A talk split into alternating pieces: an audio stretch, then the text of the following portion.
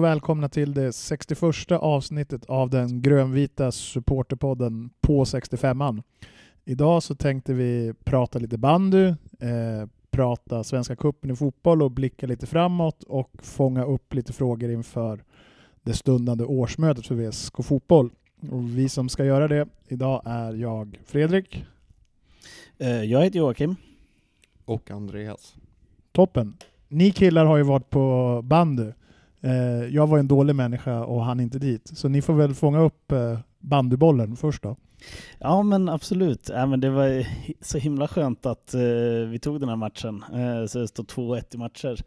Eh, jag tycker att, eh, ja, om vi ska börja med den här matchen, så tycker jag att vi gör igen en bra match defensivt. Ehm, vi håller Edsbyn bra. Edsbyn gör såklart en eh, bra match defensivt också. De samlar ihop sitt lag på, de har 11 man på sista tredjedelen, ganska eh, stora delar av matchen så, men eh, ja, det, vi gör det bra. Sen, det, jag tycker att vi slarvar lite ibland. Jag menar, det håller ju inte att missa straff i en semifinal, men det tror jag Fagerström vet också. Eh, sen så eh, tar han ju lite revansch där och gör ett eh, väldigt fint mål, eh, väldigt viktigt mål eh, som gör att vi eh, ja, men får, får lite andrum. Eh, och, ja, men nu, nu så har vi 2-1 i matcher igen och alla chanser att eh, gå vidare till final. Och det trodde man ju kanske nästan inte inför eh, semifinalserien, tycker jag i alla fall. Nej men det har väl pendlat lite, lite upp och ner i vilken tro man har på bandylaget. Det har varit väldigt många bra insatser men det har också varit lite sämre där vi har känns lite, och det här har vi skämtat lite om internt, men varit lite mentalt svaga. Eh, så därför är det jätteskönt att se att vi kan vinna. Eh, däremot, jag tycker att det är väldigt tråkigt att se Edsbyn som backar hem med 12 man. 11 man plus publiken. Ja. Så ja, men det är tråkig bandy de bjuder på, det måste jag ändå kunna säga utan att vara en bandyfrälst människa. Ja, nej, men visst är det så. Eh, men jag tänkte att vi kan prata lite om kvartsfinalerna där också. Jag tycker att eh, alltså där ser vi inte riktigt lika bra ut. Alltså Vetlanda pressar oss ganska bra, eh, både ja, men i, i, i, två kvartsfinaler så går det liksom till förlängning. Sen så är vi väldigt vassa och tar oss vidare därifrån. Men jag tycker att ja, framförallt då kanske andra kvartsfinalen så gör vi liksom inte en lika bra insats defensivt. Sen så skärper vi till defensiven, men jag vet inte om offensiven riktigt kuggar i som vi vill. Eh, men vi tar oss ändå vidare och sen så första semifinalen där mot Edsbyn så tycker jag att vi är riktigt bra, framförallt i andra halvlek. Då är det, det är inget ja, men snack om att det är säsongens bästa band vi spelar och det är väldigt imponerande tycker jag att vi gör det i det läget. Eh, och sen så tycker jag det är så himla synd i andra semifinalen för vi, då spelar vi också väldigt bra. Vi gör det bra defensivt. Vi, eh, vi gör våra mål. Och sen så, jag vet inte, jag tycker att det är lite schabbligt på något sätt att dels har vi de här, vi får ju liksom inga domslut med oss. Eh, vi har en boll som ehm, ja, men vi hävdar inne, det går inte att se på reprisen, men de spelare som är där framme hävdar ju att den är inne. Edsbyn har en boll som ja, det går inte heller att se på reprisen, men där döms det mål istället. Eh, och ja, eh, sen, sen, tycker jag att deras straff, alltså det vet inte, det är inte... Jag har ju en teori om det här målet som egentligen gör att Edsbyn vinner den andra semin och det är ju att eh, på reprisen är det helt omöjligt att se vart bollen tar vägen rent, eh, vad ska man säga, så här, fysiskt så är det svårt att se att bollen kan ha den banan när den kommer, nu, kommer ut från ett nät. Men det jag tycker är intressant är att domaren säger så här att eh, nej men jag, där och då är jag säker på att bollen är inne. Men jag tror ju att ni i tv-kamerorna har andra vinklar som kommer kunna säga att jag har fel. Vilket också leder till så slutsatsen att Ja, jag tror inte att du var så säker egentligen. För att då kan du ju inte säga så, eller? Nej, Nej, dels det och dels att det tar eh, lång tid till beslutet och sen, jag har suttit äh, orimligt länge faktiskt och kollat på den där prisen och man ser ju att bollen studsar ut därifrån. Jag förstår inte riktigt hur den ska liksom ta eh, någonstans eh, inne i målet och sen studsa ut på det sättet så jag tror inte riktigt att den är inne. Eh, men eh, det går ju inte att säga på, på reprisen. Där. Men det man kan konstatera är väl att vi får liksom inte de domsluten och marginalerna med oss. Vi får liksom också en straff emot oss. Där tycker jag att Eh, det, mm, visst, det kan, man kan blåsa straff där. Eh, jag tycker att man som Joneby och Hompa som eh, ändå ganska gamla i gamet, eh, båda två trycker till honom ganska rejält. Det är absolut ingen straff, Nej, det måste jag säga. Ja. Men, man, man, måste man, få leva också. Ja, man, man får inte ge dem det läget att kunna blåsa straff heller. För att det, det, det är så enkelt att ta en straff där, framförallt på deras hemmaplan. Och det är så enkelt för Edsbyn-spelaren att falla liksom, när man får dem. Eh, dels det greppet och dels lite liksom händer i bröstet upp mot ansiktet. Så att jag tycker att man, man får inte heller riktigt ge dem det läget. Men ehm, mm, eh, så pass rutinerade spelare eh, borde kunna nästan hantera det bättre. Men ja, det, det, det man kan konstatera som sagt att vi får liksom inte domsluten med oss i den matchen. Men då tycker jag ändå det är starkt att, att kunna säga och VSK bandys räk, äh, räkning att vi leder ändå med 2-1 i matcher. Ja, trots att vi haft lite så här äh, marginaler emot oss, kanske något mål som inte var inne och, och så vidare. Ni, ni, som har följt nu eh, slutspelet betydligt noggrannare än vad jag har gjort, är känslan nu att eh, det avgörs eh, på bortaplan eller kommer det bli en femte eh, match hemma? Nej, jag tror nog faktiskt att det blir en femte match hemma. Ja, det tror jag också. Och jag hoppas verkligen att det kommer mycket folk för att VSK bandy behöver väl det också. Ja, det behöver man och inte bara för eh, liksom publikintäkterna utan även för eh, det roliga är att det kommer mycket folk och det, det, det är en bra bandy som spelas ändå. Det, det måste man säga. Det, jag tycker verkligen vi har steppat upp här i slutspelet och framförallt i semifinalserien. Och den disciplinen vi visar hemåt och eh, bra anfallsbandy också. Det jag är imponerad. Hur mycket folk var det på semin idag då? 2700. Var det slutspelstryck så att det kändes av eller? Ja, alltså det var väl eh, visst drag men eh, det, det går att göra bättre, det tycker jag. Så det skulle på något vis ändå... Ja, det är klart man helst säkrar en finalplats så snabbt som möjligt men, men en femte avgörande hemma för att liksom eh, skruva upp intresset och intensiteten på publiken kanske inte vore så dumt ändå. Nej, det tror jag inte. Nej, men jag tror också det. Att kan vi liksom med facit i hand vinna en femte hem, hemma så är väl det det absolut bästa. Ja, men det får man säga. Um, sen har vi också det här tråkiga som hände i, eh, uppe i Edsbyn som um, ja men eh, Viskbandy gick ut med det och även Edsbyn uh, spelare hade hört uh, rasism mot Joel Engström. Det, jag vet inte riktigt, det finns inte så mycket mer att säga om det, att det är förkastligt, vidrigt. Ja, nej men man är ju så förbannat less och trött på att höra den typen av nu var jag inte på plats och kunde höra exakt vad som sades, men just att, så här, att det ens förekommer är så vidrigt och bedrövligt så att man lite så här tappar orken. Alltså att, så här, ja, jag inte. Tänka på det. Mm. Vad säger du Fredrik? Nej, det är ju otroligt sorgligt i sig. Eh, det, den enda reflektionen jag gjorde, det kom ju ett gemensamt uttalande från från VSK och Edsbyn där respektive klubbchef uttalade sig och fördömde det hela.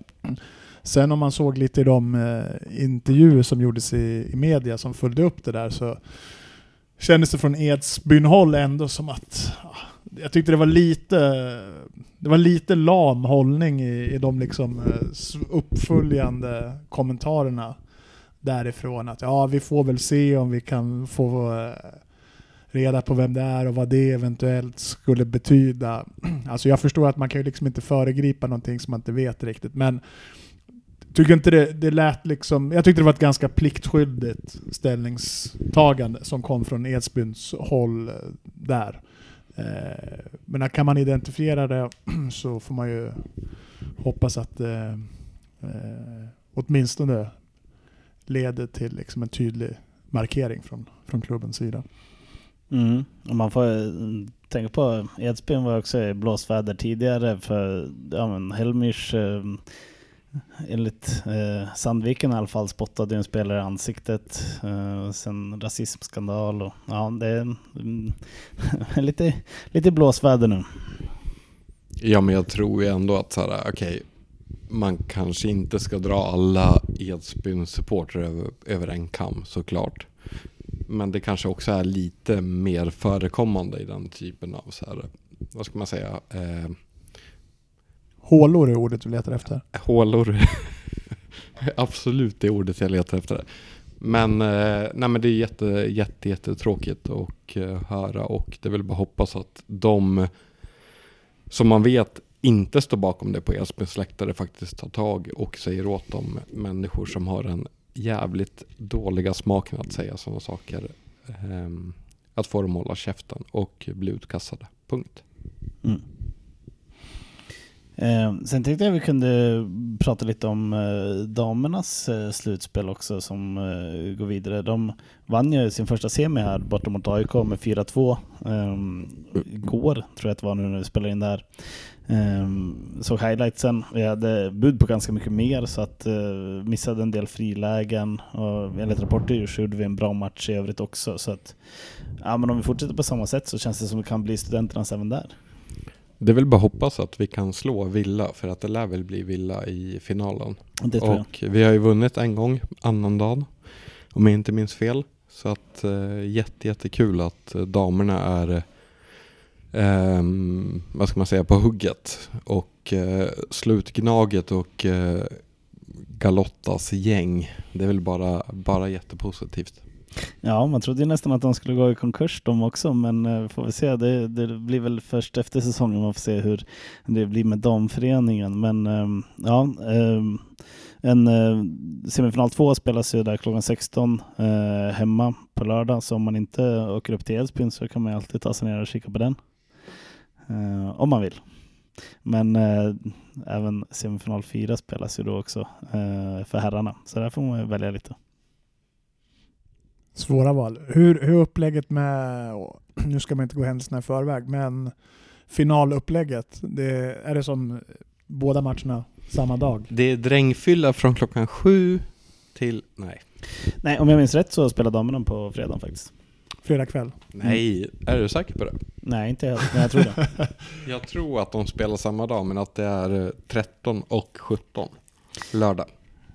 Det får vi ta reda på om vi går dit. Vi blir lite avslöjade som att ändå varandes mest en fotbollspodd. Men vi kan väl hänvisa till Sköna Gröna podden, för de har garanterat koll på vilka avsparkstider. Avslag heter det väl i det här.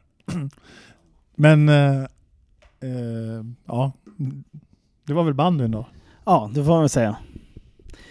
Eh, ska vi gå vidare till fotbollen då helt enkelt? Eh, Svenska cupen har vi spelat.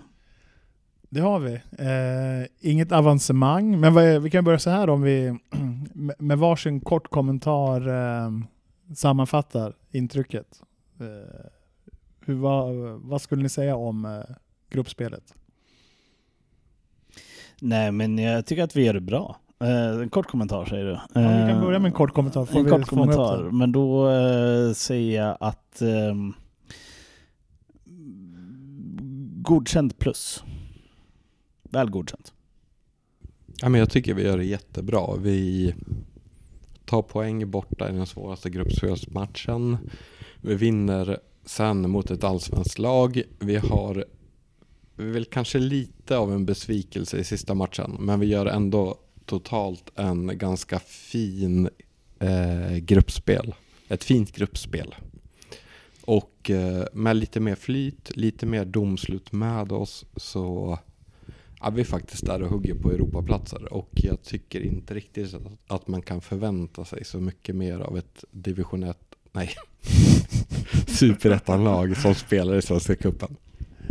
Jag skulle också säga eh, mer än godkänt, men med kanske ett högt pris eh, för slutspelet, eller gruppspelet. Jag tänker på Pedros skada, den kan vi fånga upp sen. Men eh, eh, men det, det, var ju, eh, det var ju väldigt mycket positiva intryck från de här matcherna.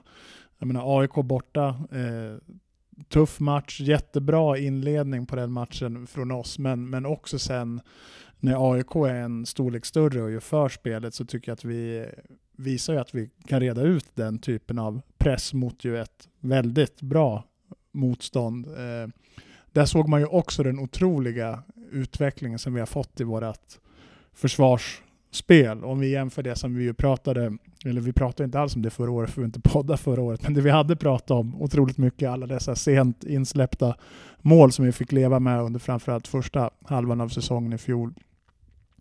Så det sättet vi kan liksom reda ut eh, och värja oss mot den där anstormningen Eh, inte minst med, med Freddy som liksom general, men hela trebackslinjen. Det, det båda är otroligt gott. Jag tror inte det, det är inte många lag som kommer kunna utsätta oss för den typen av eh, press över liksom så lång tid som AIK gjorde där i ja, men säg en, en halvtimme i första halvlek och en ganska stor del av, av andra. Så det var bra. Eh, sen, jag menar Varberg, då var vi ju, hade vi kunnat vinna med ett par mål till rent av. Jag menar, det såg ut som att det var vi som var det allsvenska laget. Östersundsmatchen var väl kanske, ja, möjligtvis spelmässigt den, den lilla besvikelsen, men eh, på det hela taget så är det ju ett jättebra gruppspel tycker jag. Nej, men jag, jag håller med. Det får man säga att vi mot AIK jag tycker att vi står upp bra. Vi gör det som förväntas av oss. Eh, vi skapar chanser. Vi skapar nästan tillräckligt med chanser för att kunna vinna matchen. Det gör i och för sig AIK också, så att kryss är väl inte helt orättvist så. Men, eh, ja, men jag tycker att ändå att det visar styrka på att liksom kunna göra det mot ett allsvenskt lag. Eh, och sen igen mot eh, Varberg, så det, det, ja, men där, är det ju, där är det ju vi som ska vinna. Det, där vinner vi helt rättvist. Eh, mot Östersund, jag tycker att eh, där får vi också lite domslut emot oss då. Uh, jag tycker att uh, deras straff inte, det, det, det är inte en straff. Ja, men den är ju bisarr alltså. Ja. Den är ju faktiskt sjuk. Ja, jag tycker att uh, det känns som att Fredrik försöker bara rensa och han är lång och deras spelare stoppar ner huvudet och det, det är så himla lätt att... Jag, jag vet inte om det är lätt att blåsa straff men jag tycker, jag tycker bara det är fel helt enkelt. Så. Men eh, sen är vi aldrig riktigt nära egentligen. Eh, det, jag hade behövt att Simon satte sitt ribbskott och eh, att vi hade haft lite mer flyt så, så, så hade vi kunnat varit lite nära ett avancemang. Men på det hela taget så gör vi ett bra gruppspel helt klart. Eh, vad säger ni om vi skulle försöka fånga upp några så enskilda spelarprestationer? Eh, något som ja, men har överraskat positivt eller bara bekräftat eh, kvaliteten? Vad säger ni? Ja, jag tycker att eh, Anders Hellblom eh, kommer in och gör det väldigt bra. Eh, gör mål, eh, fixar straff. Eh, det är eh, väldigt kul att en så ung spelare kommer in och Var det, var det verkligen han som fixade straff? Var det inte Gevert? Ja, nu tänker du på Östersundsmatchen. Jag tänkte på Varbergsmatchen. Jag bland, mixade två matcher där. Okay. Ja. Eh, så att, eh, men, eh, nej, men så jag tycker att han kommer in och levererar i, i båda matcherna och gör det bra i pressspelet. Kalle berömmer honom också väldigt mycket så att jag tycker att det är kul att man ser att vi ändå har eh, någon sorts ehm, ja, men, eh, alternativ till Jabir som är skadad. Eh, Jag tycker att det är väldigt positivt faktiskt. Men framförallt alla de unga, unga spelare som har kommit in. Det gäller ju både eh, Hellblom, det gäller även Åslund, det gäller Max Larsson som ju för sig var med förra året men som fortfarande har liksom visat framfötterna och som, som gör det bra borta mot ett så etablerat lag som AIK inför 12-13 eh, tusen. Alltså det, det är väldigt mycket positiva tecken på den, den fronten. Sen tycker jag ju så här, om, om jag får återgå lite till att analysera matcherna i kuppen så Varberg borta tycker jag är, den är svår för att jag tycker att vi är helt överlägsna. Och det vi möter det är ett allsvenskt lag. Um, vilket leder mig till frågan så här, okej okay, nästa match kommer vi och möter Östersund och då ser vi inte alls lika bra ut. Hur dåliga slash bra var vi mot Varberg? Eh, men jag tror det är intressant för att eh, Kalle Karlsson sa ju inför eh, Östersundsmatchen att han, fakt att han såg det som en svårare uppgift än, än Varberg. Eh, både med hänvisning till att han menar att Östersund generellt sett är ganska underskattade och att man glömmer bort att de gjorde en, en väldigt stark höst. Eh, och att de liksom smyger lite under radarn eh, till följd av liksom allt kaos som har varit i, i klubben. Och möjligtvis för att de har en spelstil som, som eh, passar oss eh, lite sämre. Så, eh, sen ska man inte heller glömma att Östersundsmatchen så där är vi ju lite, vi har ju lite manfall i den matchen. Jag tycker det märks ganska väl till exempel att uh, uh, Herman Magnusson inte spelar. Mm. Uh, det, blir, det blir stor skillnad i vår speluppbyggnad när han spelar i trebackslinjen jämfört med hur det var med, med Omit Aras. Man, man ser att han inte alls lika trygg med bollen. Han eh, bryter inte genom linjen på samma vis. Han vågar inte slå den typen av eh, passning som kan öppna upp. Eh, så det blir, det blir liksom, eh, menar, och det är inget konstigt. Han, han valde liksom att spela på säkerhet matchen igenom och det har jag en Han var ändå ganska bra tycker jag. Ja, men han skötte det helt okej, okay, men man märker ändå att det är en, det är en dimension i spelet eh, som, som försvinner. Så, och sen var det väl också rätt tydligt nu i en match där vi skulle göra mycket mål att eh, det saknas ju liksom offensiva alternativ egentligen. Alltså med både Jabir och eh, Miguel Sandberg eh, ja, borta. Det, vi, har, vi har ju liksom inga att sätta in där som, som riktigt eh, kan göra skillnad framåt egentligen. Eh, men om jag får lyfta fram någon annan som jag tycker har gjort det riktigt bra på försäsongen som jag kanske har varit lite kritisk mot eh, tidigare så är Alex Douglas. Jag tycker han har gjort det bra i backlinjen.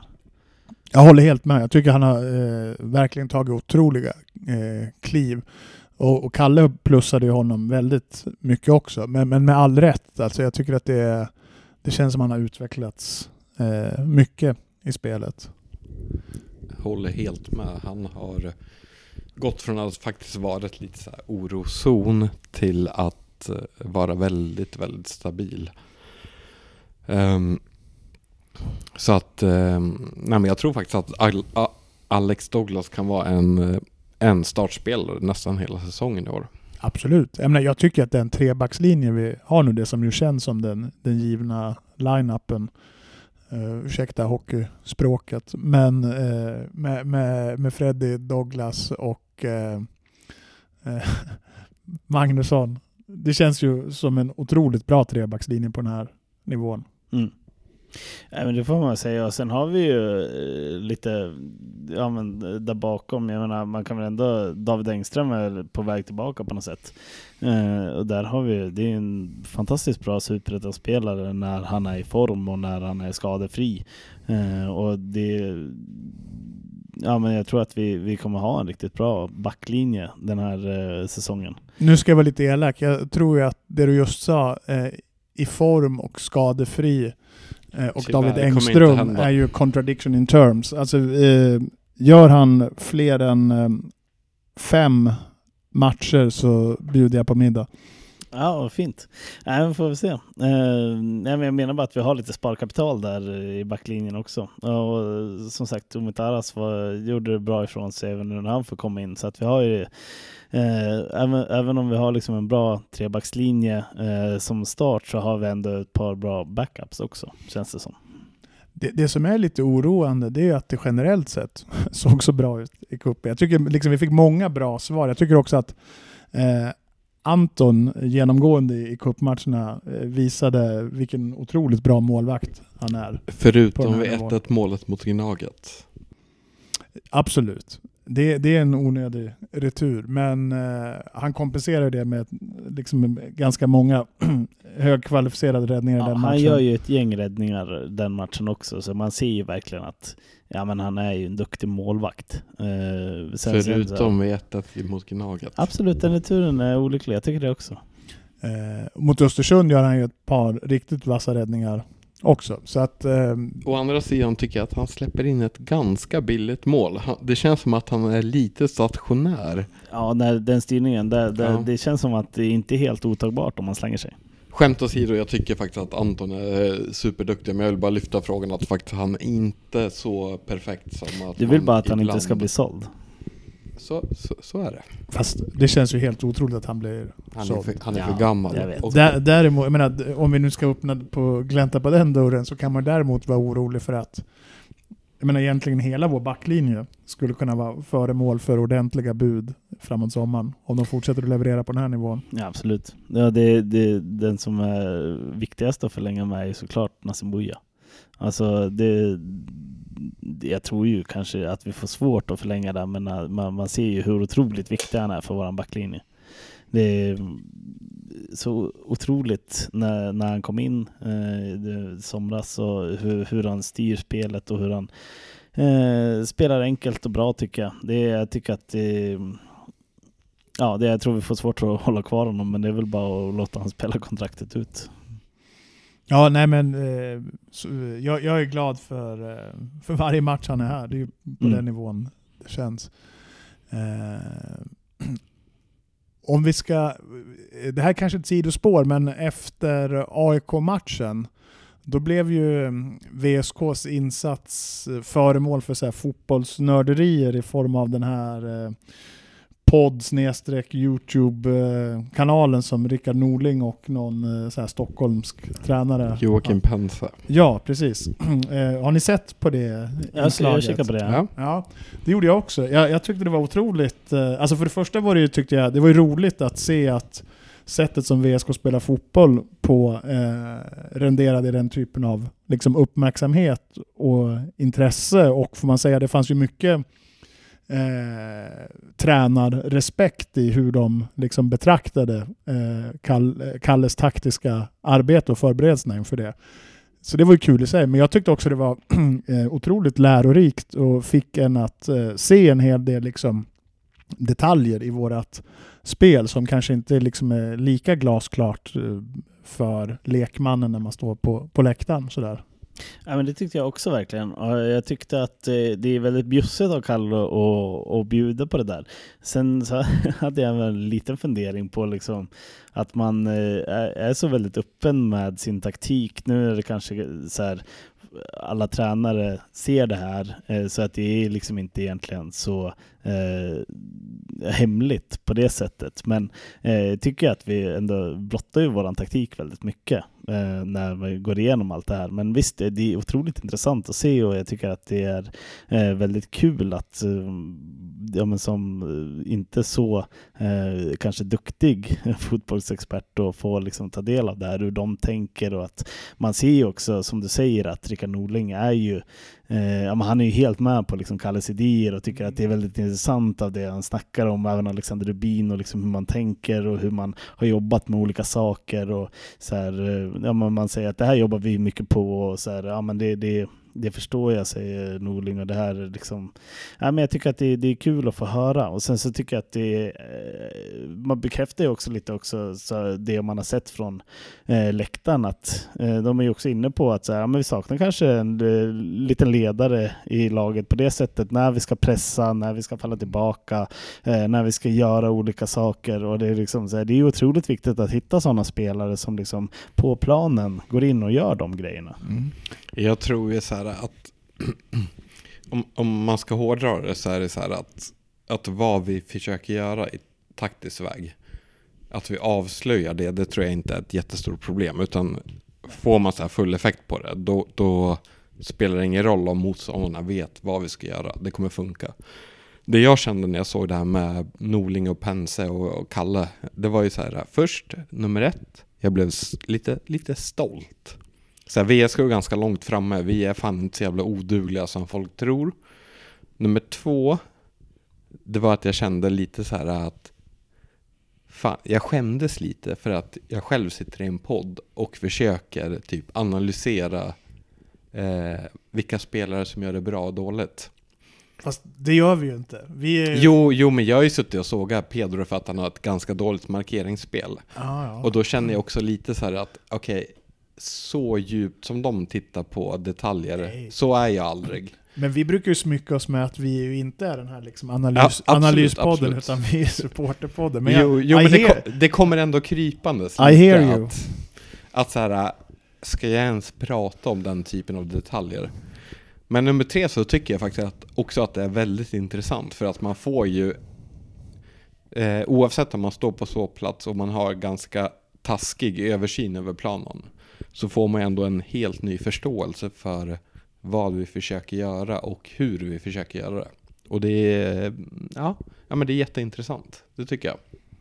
Det man ju också kan, eh, kan säga mot bakgrund av det här, för att det blir ju väldigt tydligt att eh, Kalle ju nu eh, Alltså det börjar få genomslag, det som han under lång tid har eh, försökt ja, men få oss att förmå på planen och han har ju fått med spelarna på tåget. Vi tränar ju, alltså när man tittar på träningarna så är det ju otroligt noggrant taktiskt arbete. Alltså det är mycket liksom matchliknande situationer med väldigt mycket alltså, avbrott och korrigeringar och du vet flytta utgångspositioner och så vidare. Eh, och man förstod ju att i början när han tog över, då tror jag det fanns hos en del spelare en, en viss frustration inför det här liksom taktiska eh, finlireriet. Men eh, han har ju fått med dem på, på det tåget. Det har man ju hört också mellan raderna i intervjuer med Simon och sådär liksom att eh, eh, det finns liksom det, det förtroendet för honom och det han gör och att de själva ser vad det, vad det resulterar i. Och den här långa utläggningen ska egentligen leda fram till att det var ett otroligt bra beslut eh, av, av styrelsen att liksom sitta still i båten och förbli lugn och inte leta efter liksom en så här snabb byta tränare-lösning när, eh, när det gick rejält knackigt förra säsongen.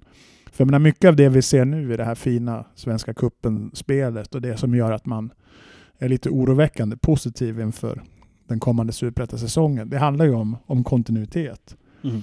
Där, där, tycker jag att det, det, där sätter du precis huvudet på spiken, liksom kontinuitet. Jag tror att eh, ja, men för en tränare så tar det ju såklart en tid för att sätta sin prägel på laget för att få spelarna att spela som man vill och få spelarna att göra som man vill. Och det, det, ska verkligen inte underskattas att man bara får den tiden. Nu, nu vill jag inte liksom nedvärdera Kalle som tränare på något sätt, utan jag tror att han har en jättebra spelidé. Men jag tänker också att det är bara den här kontinuiteten, att man får jobba med laget under en längre tid och få jobba med samma spelare Eh, där man inte byter ut hela truppen hela tiden. Alltså jag tror att det är jätteviktigt att vi fick behålla liksom stommen nu i eh, vinterfönstret och att vi nu, ja nu är inte det helt slut, men ändå att vi liksom ser ut att få behålla de spelarna vi vill behålla och få fortsätta jobba med dem som är liksom injobbade på det här spelsystemet, som vet vad Kalle vill, som vet vad, hur vi ska spela och som känner varandra på planen. Det är också otroligt viktigt att man liksom vet hur den, eh, ja men sin nästa kompis, hur han spelar, hur han jobbar, hur man ska ta löpningarna, hur eh, spelare på planen gör. Så att jag tror att det, det, kontinuitet är otroligt viktigt i fotboll. Absolut. Eh, ska vi säga något om eh, det som eh, ramade in också då, cupmatcherna? Men när vi började ju eh, borta mot eh, AIK på, på Tele2 som fick vara tillfällig hemmaplan för dem. 13 000 på läktaren. Det var ju mycket skriverier om att det här var liksom VSKs publikmässigt största match på, på år och dagar. Eh, och vi kan ju strunta i att det då var typ 12 000 AIK där. Men vad, VSK kom ju med ett ganska bra följe på vad var 600 på bortaläktaren. Ja men 600-700. Jag tycker eh, som boende i Kista så shoutout till eh, gubbarna från Husby. Men också de yngre VSK-arna som kom från Västerås.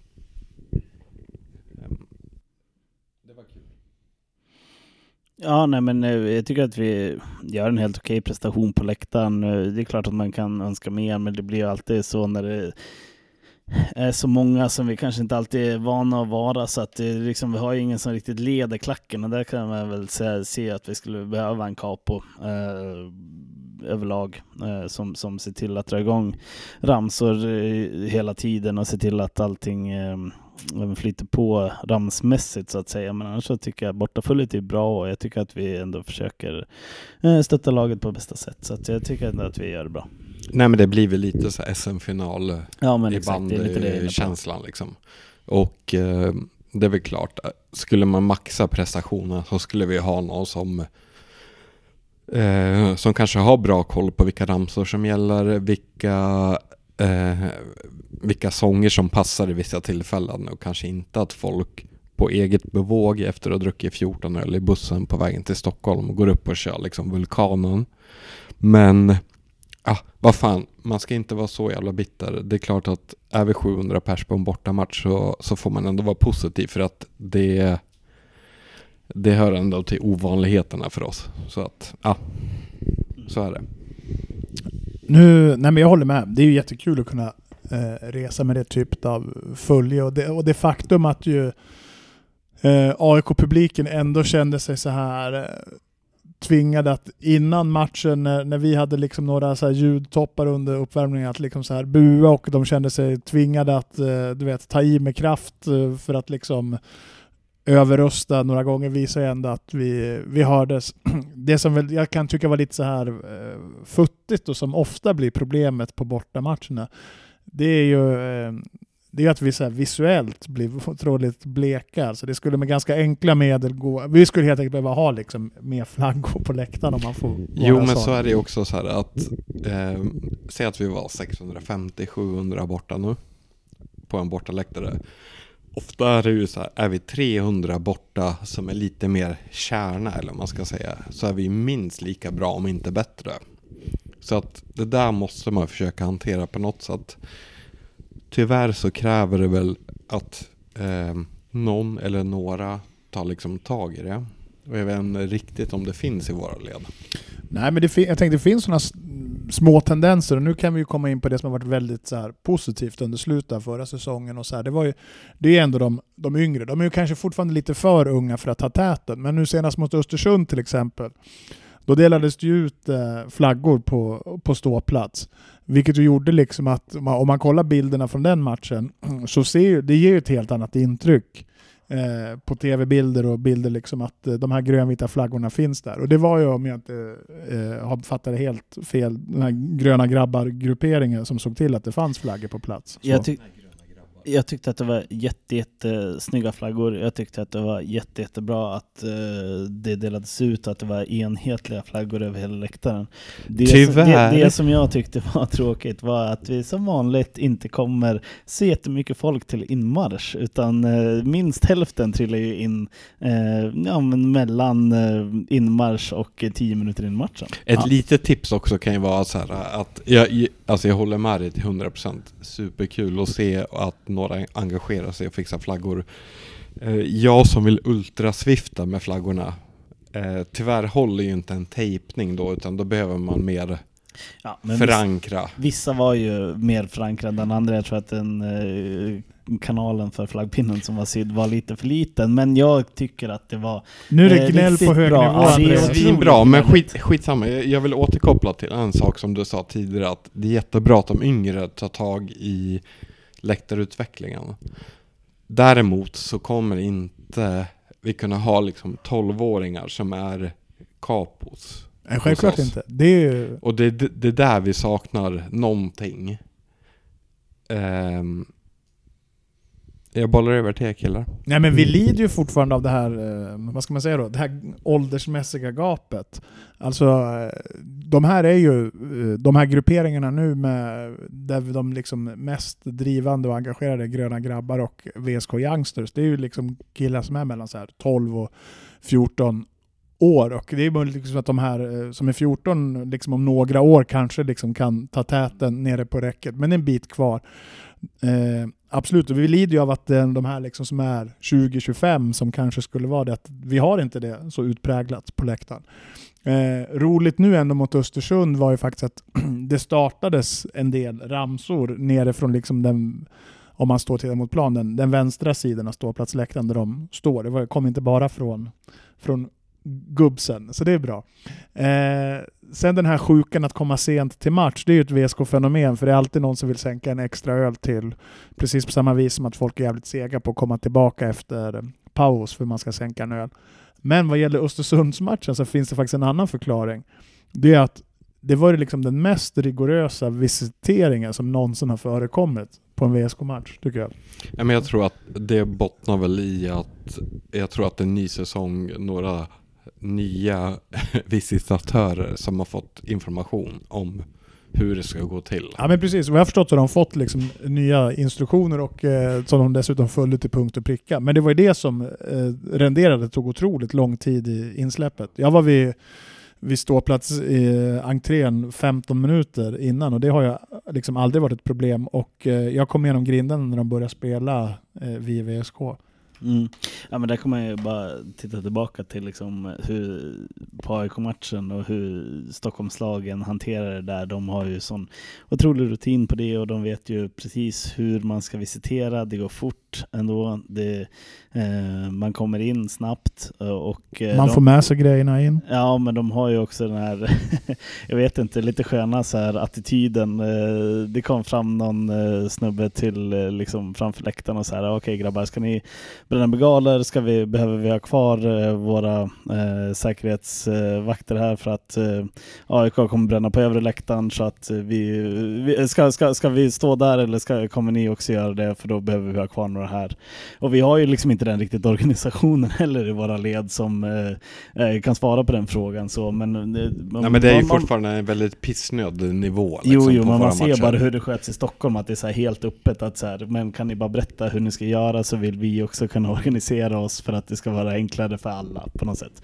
Så ja, men att, det, det, det ligger ju otroligt mycket längre fram där. Ja men det, det, det är väl så vi vill att det ska bli hos oss också. Ja, för, att, för att det är ju så det är hos många, liksom, vad ska man säga, mindre klubbar också. Så är man van med att bränna, det finns liksom inga förbud mot det som drabbar klubben på det sättet. Så att eh, är det bara så här vanligt förekommande så är ju också publikvärdar och ordningsvakter också införstådda med att det man ska göra är inte att eh, ta personer som bränner bengaler utan det är faktiskt att släcka de bengalerna som är färdigbrända. Mm. Och det, det är som sagt, det har de koll på så att eh, när det då faktiskt hände även på våran läktare mot AIK så eh, var det snabbt folk där, man kunde lägga dem i en hink och liksom, det, var, det var ordning och reda. Så, eh, det, det, man, man märker ju mycket längre fram de här i de frågorna. Men du Andreas, du började här när vi, när vi pratade om AIK-matchen eh, med att plussa det här gänget från, från Husby, som om jag förstår det rätt då är liksom eh, polare med Jabir. Så. Eh, då är jag lite nyfiken, är det liksom så självklart att, att man tycker det är coolt och bra att eh, en ganska stor gruppering som egentligen inte har så här koppling till klubben eh, kliver in och liksom också blir så här närvarande på läktaren? Det är självklart lite tudelat tycker jag. Eh, hade de varit på våran läktare och liksom kört ett helt eget race, då tycker jag att det är problematiskt och något som kanske inte ska vara där. Nu i det här fallet så visar de sig faktiskt ganska lyhörda. De var där, vi visste att de var där framförallt för att Jahir spelade hos oss. Eh, men de hörde, hörde sig för liksom, vad, vad är okej på eran läktare? Eh, vi kommer komma, är det okej? Okay? Då tycker jag att det är okej okay, liksom. Men det är klart, det är ju en bedömningsfråga från, från fall till fall. Det är inte så att det händer jätteofta att det kommer 200 man från en förort liksom. Men eh, jag tycker att de var, de var sköna och de liksom visade respekt för vad vi är. Så att för mig var det inga problem. Men jag har förståelse för de andra tycker att det är konstigt. Nu vet jag inte om de var riktigt 200 eller kanske runt 100-talet, men absolut. Eh, men ska vi stänga Svenska cupen-diskussionen eh, där kanske och så bara konstatera att vi gjorde ett bra gruppspel eh, som vanligt och eh, ja, men eh, nu får man väl ändå så här det var ju någon gång vi gick väldigt långt i Svenska Kuppen. Då målades det upp som dåligt. Nu gjorde vi det ändå ganska bra, ehm, men inte liksom gick vidare, gick långt. Så att det, får väl ses som den bästa eh, grejen man kan göra i Svenska Cupen antar jag. Absolut. Jag måste bara säga en sak till eftersom du ville haka upp det där på gå långt eller inte. Det året vi gick långt i kuppen Mm. då gick vi ju kanske liksom ändå långt på ett mer så här kuppmaner liksom. Eh, alltså vi gjorde några liksom riktigt bra så här liksom kämpainsatser, eh, den här dramatiska matchen mot eh, Degerfors borta inte minst och så. Men det var ju inte så att vi hade satt ett spel på det vis som vi Nej. har gjort nu. Så det, det liksom lovar ju på många vis gott. Eh, orostecknet som jag inledde med att säga, det var ju eh, nu att det har konstaterats att, att Pedro ju har fått en fraktur i foten och kan bli borta liksom upp mot tre månader. Och det känns ju otroligt tufft. och, och om man flippar lite på det myntet så var det ju ändå så här att borta mot AIK, borta mot Varberg, Pedro spelar ju inte. Och vi var ändå liksom minst lika bra som allsvenska lag.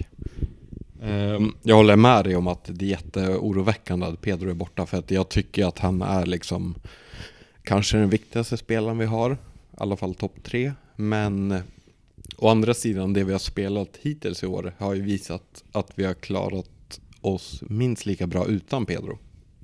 Ja, men det var egentligen faktiskt det jag tänkte säga också, att eh, Pedro har ju faktiskt inte varit med så mycket i de här matcherna egentligen. Eh, sen är det såklart att det är en otroligt viktig spelare i vårt lag och det är, det är klart att det är otroligt tapp. Sen är det också, eh, det är väl runt en månad kvar till eh, premiären. Ehm, jag vet inte exakt vad det stod, om det skulle ta två eller tre månader, men när jag säger att det tar två månader så han missar inte så jättemånga matcher. Det är klart att det är ett tapp. Det är klart att det är ett jättestort tapp. Men vi har också ganska bra täckning där på mittfältet nu när eh, ja, men Ask, eh, Olle Edlund, eh, eh Gambos, eh, ja, men de de spelar på de positionerna. Jag tycker att det, det är ett ganska bra mittfält fortfarande.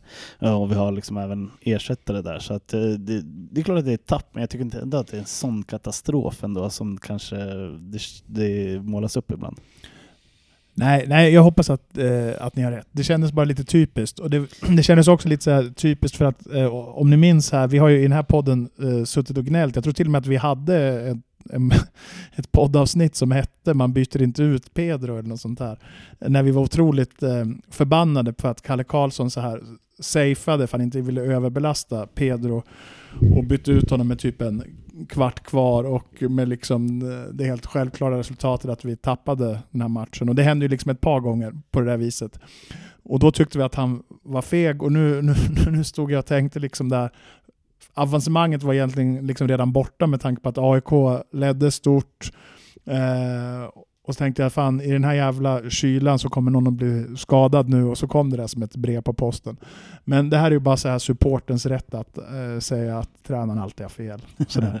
Nej men det, det är ju klart, alltså, det, är så, det är så onödig tackling. Man såg det typ på en gång när det hände att det där, fan, den där tog nog illa och så försökte Pedro spela vidare och sen så såg man att det där det kommer inte gå. Så hoppas man att eh, ja, men han blir bort borta en liten stund men eh, nej, han eh, eh, eh, blir bara borta i två, tre månader så det, det är såklart att det är så. Men visst, ska vi stänga Svenska cupen där? Vi stänger kuppen och eh, då ska vi röra oss mot... Ja, men eh, årsmötet. Eh, ekonomin är kass som vanligt. Går, vad var det? Eh, ne- 4,6. ja, miljoner minus. Snart är vi typ bara dryga fem miljoner i eget kapital och snart är vi pengarna borta på riktigt liksom. Ja, om ett år om vi fortsätter den här takten. Ja, Och det är ju jävligt illa. Speciellt eftersom vi ju lyckades att eh, för första gången göra ett litet, litet plusresultat i fjol. Så var det här väldigt deprimerande. Det var ju såklart budgeterat för ett underskott men inte i närheten av så här stort. nej. Nej, jag tror det, det får inte bli så här. Och det största felet är egentligen så här felräkning på SEF-pengarna. Jag förstår inte hur det egentligen kan hända. Nej, jag minns ju att det var ju en viss diskussion på årsmötet i fjol när man presenterade budgeten om det inte var lite riskabelt att eh, räkna med eh, så stora intäkter på SEF-pengarna i relation till tabellplacering. Nu vet jag ju att den här felräkningen handlar ju inte bara om årets placering och att man liksom inte nådde den utan det är ju ett ganska komplicerat system. Men alldeles oavsett så kan man inte göra den typen av missar. Ja, men så komplicerat är egentligen inte systemet utan det påtalas ju liksom på årsmötet att det är för högt. Och eh, nu vet jag inte liksom exakt hur för högt man påtalade att det var, men det var ändå så här personer som såg de siffrorna för första gången och ändå kunde säga så här, det där stämmer inte. Nej men det problematiska är ju lite så här att om man känner att man eh, känner sig tveksam över när man räknar en budget som rör kanske 5-10% av omsättningen på föreningen. Att man liksom inte tar tag i att eh, det är inte omöjligt att höra av sig till Sveriges Elitfotbollsförbund, SEF, för att faktiskt kontrollera hur mycket man kommer få. För att jag menar, det är en enkel fråga och du kommer förmodligen få ett svar. Um, sen ska man ju också ha i åtanke att det är budgeten vi la. Um, så att det är klart, vi missar budget med mycket Frågan om det hade varit lika mycket även om man hade haft en korrekt budget från början där man inte hade räknat fel. Ja, men det, det, vi hade ju såklart fortfarande gått minus och det gör vi som vanligt på marknadssidan är ju den andra stora posten. Uh, där missar vi också budget med, uh, nu kommer jag inte ihåg exakt, men med x antal miljoner. Jo, men sen är det ju också så här, driftkostnaderna som vanligt. att um, och där vet jag att man pratade om på det här informationsmötet att kostnaderna har dragit iväg för till exempel bussresor där eh, driv, eh, drivmedelpriserna har gått upp. Och det kan man väl köpa liksom på ett sätt. Men det är också så här, det slår ju mot vår budget på procentnivå liksom. Det är inte promillenivåer. Så att jag tycker att det är lite konstigt också. Nej, men där är inte de stora grejerna egentligen. De stora grejerna är ju felräkningen på SF-stödet och eh, på marknadssidan. Å andra sidan hade man ju faktiskt bommat med typ en miljon i driften också i år. Ja. Så, så, så, att det är ju mycket liksom. Mm. Och det är det som gör att det är många olika delar som gör att vi faktiskt bommar rätt rejält. Mm. Men generellt sett så är det ju intäktssidan som har varit det bestående problemet. Alltså det, det känns ju verkligen här att eh, efter de här åren när vi hade en otroligt stor division 1 norra kostym på alla vis. Liksom. Dyr spelartrupp, egentligen mycket större organisation än vad vi har haft under superettaåren. Så det alla styrelser har jobbat med, måste man säga, konsekvent och på, på ett, liksom, tycker jag, övertygande sätt, det är ändå kostnadskontroll. Eh, utan det, det, bestående problemet över tid är ju intäktssidan och, och marknadssidan eh, framför allt. Och det handlar väl om många saker. Det handlar ju om att eh, rekrytera rätt personer som verkligen kan eh, ja, bära inte bara sin egen lön utan helst ett par personer till lön. Och det har vi inte hittills lyckats med.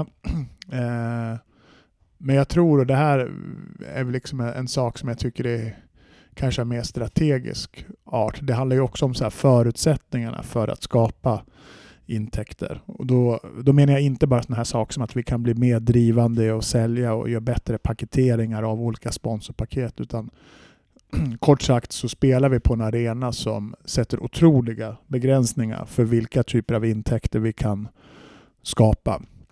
Och då vet jag ju nu, liksom att, ja, det vet vi alla, att klubben försöker ju eh, kompensera och korrigera det här efter bästa förmåga. Till exempel genom att eh, bygga den här hyllan nu uppe på ovanför sektion D på, på sitt plats. Och det är ju bra att det sker någonting, men ska det på sikt eh, bli en avgörande skillnad som kan förändra intäkterna, då räcker inte det där. Alltså det här blir liksom på marginalen, utan det som egentligen borde ha gjorts sedan flera år, det är att eh, styrelsen måste driva frågan för att lösa arenasituationen på ett fundamentalt sätt. Eh, och med det menar jag att egentligen så måste man så här närmast själv ta fram ett tydligt förslag på vilka typer av liksom utrymmen och faciliteter som, som behövs och sätta riktigt tryck mot kommunen för att det här krävs om man ska bedriva elitverksamhet.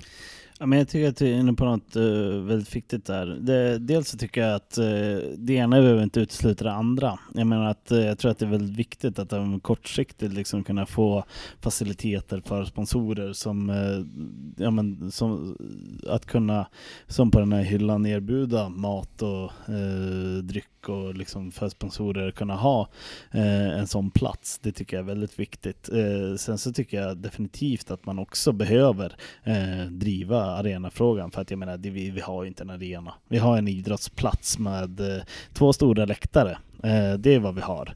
Eh, och det är inte hållbart för en elitfotbollsförening. Det går inte att driva elitfotboll på den arenan som vi har. Det, det är egentligen den krassa sanningen. Sen så, eh, som sagt, man måste ta små steg eh, och kunna göra en hylla. Eh, det är bra, men det stora, det stora grejen man behöver göra är ju att, så här, som du är inne på, fundamentalt behöva bygga något riktigt. Och jag, menar, jag, jag håller med, jag säger inte att, jag är också glad att den här hyllan kommer till. Det enda jag möjligtvis är orolig för då, det är liksom att man eh, slår sig till, eh, till ro på den här punkten. Alltså, eller rättare sagt, att man gör hyllan nu får inte bli ett argument för att inte driva den, den stora frågan. Nej, nej. Och det är lite det jag känner att i, i den liksom stora, mer långsiktiga lösningen som ändå måste till om VSK ska kunna ta steget, så tycker jag inte det kommer den typen av initiativ från klubben. Alltså man skulle egentligen kort sagt gärna vilja se att klubben själv presenterade liksom en... Jag menar för, för mig så skulle den enklaste lösningen att göra någonting av eh, arena som den ser ut idag vara liksom en helt ny kortsida ut mot parkeringen som skulle rymma den typen av faciliteter vi behövs. Liksom, med loger, restaurang, andra kringutrymmen eh, och som byggs ut mot den sidan. Då skulle man gärna se att eh, klubben kanske fick ta täten på det här sättet. Att liksom visa det här är liksom vad vi behöver, det kommer kosta så här mycket. Och, och ja, ta täten. För det har ju funnits liksom sådana liksom alternativa ritningar som hockeyn har tagit fram för sin del till exempel på ja, nya arena. Det, det, det, tycker jag verkligen behövs, att driva den opinionen i lokaltidningen eller i vad, vad man nu liksom vill. Det, hockeyn är ju duktiga på det, att här, gnälla över sin arena. Så att, eh, men det kommer väl inte hända så mycket nu när eh, ja, Rocklunda situationen ser ut som den gör, men jag tycker absolut att man ska eh, se till att eh, driva sin agenda. Det, ja, men jag, jag, tror att det är en högprioriterad fråga och jag, den blev liksom också aktualiserad nu här, eh, det var, ja, här för en vecka sedan som eh, Värnamos planer, eller inte bara planer utan konkret ritning på hur deras nya arena ska se ut. Eh, värver typ 6-7 tusen med alla moderna faciliteter. Eh, tät ihopbyggd. Och då, då känner man liksom bara så att Värnamo som ju är liksom en, ja, för att återknyta till tidigare ord vi använde, en, en håla. Eh, om de förmår bygga något sådant eh, så visar det bara liksom hur akterseglade vi är i den här stan. Ja men faktiskt. Eh, om vi ska prata mer om årsmötet då. Ni båda har ju motioner som ni har skickat in. Eh, vill ni prata någonting om dem? Eh, Andreas, du har skickat in ett flertal. Eh, ja, exakt. Um, nej, men jag tycker det var, det var väl glädjande att eh, styrelsen gick på min linje att man bör sänka medlemsavgifterna just för att liksom, få in fler medlemmar i klubben, kunna liksom, få lite synergieffekter på att ha många medlemmar. Eh, sen hade jag också en motion om eh, eh, VAR som styrelsen eh, bordlade till nästa årsmöte. Och det är väl helt okej okay, tycker jag för att jag tycker att där har man faktiskt en, eh, en anledning till att ta lite längre tid till att förbereda ett, eh, ett eh, förordnande från föreningen. Så att det är väl inga konstigheter i det tycker jag.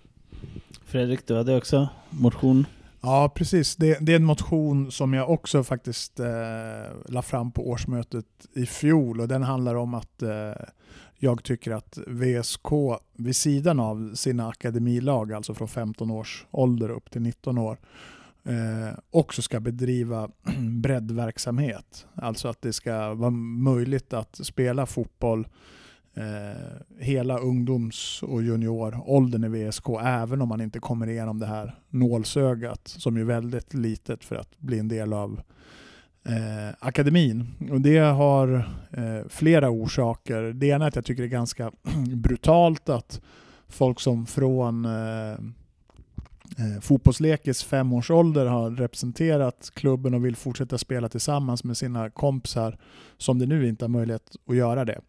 Eh, jag tycker att det är eh, ett socialt ansvarstagande och ett sätt att få så många som möjligt att spela fotboll så länge som möjligt som, eh, som vore till gagn för liksom, ja, både klubben men liksom och, också ta det sociala ansvar som klubben säger sig vilja göra när man profilerar sig i hållbarhetsfrågor och sådär. Jag har absolut inga problem med att VSK som liksom elitklubb har en eh, elitförberedande akademiverksamhet där bara de bästa eh, tillåts vara med. Men det finns många andra klubbar som förmår ha både, både och. Jag tror det finns mycket att vinna på det.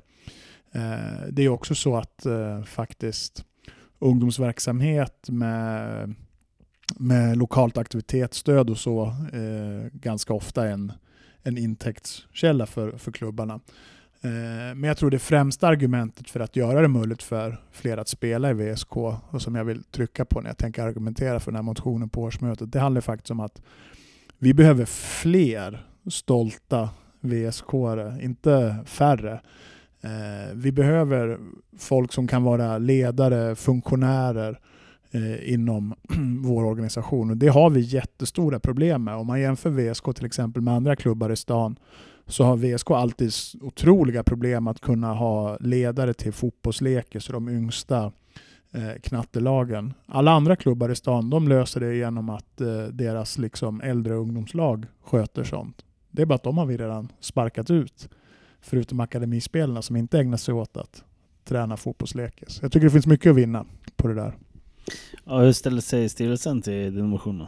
Eh, nej, de, har, eh, de eh, förordar avslag och eh, med motiveringen att eh, en sån lösning att VSO skulle erbjuda breddlag skulle riskera att skada relationen till de andra klubbarna i stan. För att det har ju funnits en slags överenskommelse där eh, de spelare som då inte eh, kommer in i akademin, då är tanken att då ska de fortsätta sin fotbollsbana i någon av de andra klubbarna. Som lite plåster på såren för att ju VSK ibland suger upp eh, skickliga spelare till sin akademi från de andra klubbarna. Jag tror bara, för det första tror jag att det är ett feltänk. Eh, för att om du är eh, 15 år och har spelat i VSK hela ditt liv och med dina lagkompisar och sen helt plötsligt säger att ja, men du får söka dig till Tidensberg eller Vik eller IFK.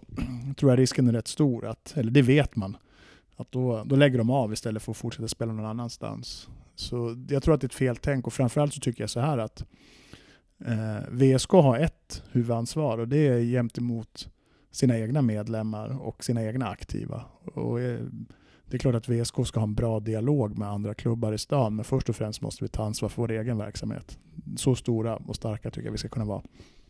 Ja, man kan väl säga att eh, här, det finns väl inte ett så här, eh, exakt tal av spelare som eh, vill fortsätta spela fotboll utan där kan man ju i så fall bredda. Att eh, man får fler att spela fotboll istället för att bara eh, det finns en direkt summa av spelare som ska gå till olika klubbar utan man istället breddar den och får fler aktiva spelare överlag i Västmanland. Ja, det tror jag är precis det man skulle uppnå. Nu tror jag risken att de här lägger av och inte går någon annanstans istället. Men vi får se hur det blir med den diskussionen. Mm. Och med de orden så kan vi bara säga en liten shoutout. Kom på årsmötet, gör en röst hörd. 15 mars eh. Precis, Stadshuset 18.30. Rösta för eh, våra motioner. Absolut. Eh, och eh, det finns andra saker man kan göra. Man kan åka på eh, semifinalen i bandy med VSK Sports eh, på lördag. Eh, man kan eh, boka sig till Brage borta fotbollspremiären. Man kan gå på damerna hemma i semifinalen. Eh, det finns mycket VSK som händer just nu. Man kan väl också passa på att köpa bortakort inför Superettan? Man kan köpa bortakort, man kan köpa säsongskort i fotbollen, man kan bli medlem i fotbollen, man kan bli medlem i VSK bandy. VSK bandy är också extra årsmöte här, faktiskt samma dag som fotbollen. Det är lite spännande. Som av en händelse. Det, det vet man väl aldrig. Men ehm, ja, det finns mycket, mycket VSK som händer just nu i alla fall. Och eh, det är därför vi är tillbaka på banan, förhoppningsvis snart igen då. Det får man hoppas. Så, eh, men nu avslutar vi i alla fall det här avsnittet med att säga som vanligt Heja Sport! Heja sport! Heja sport!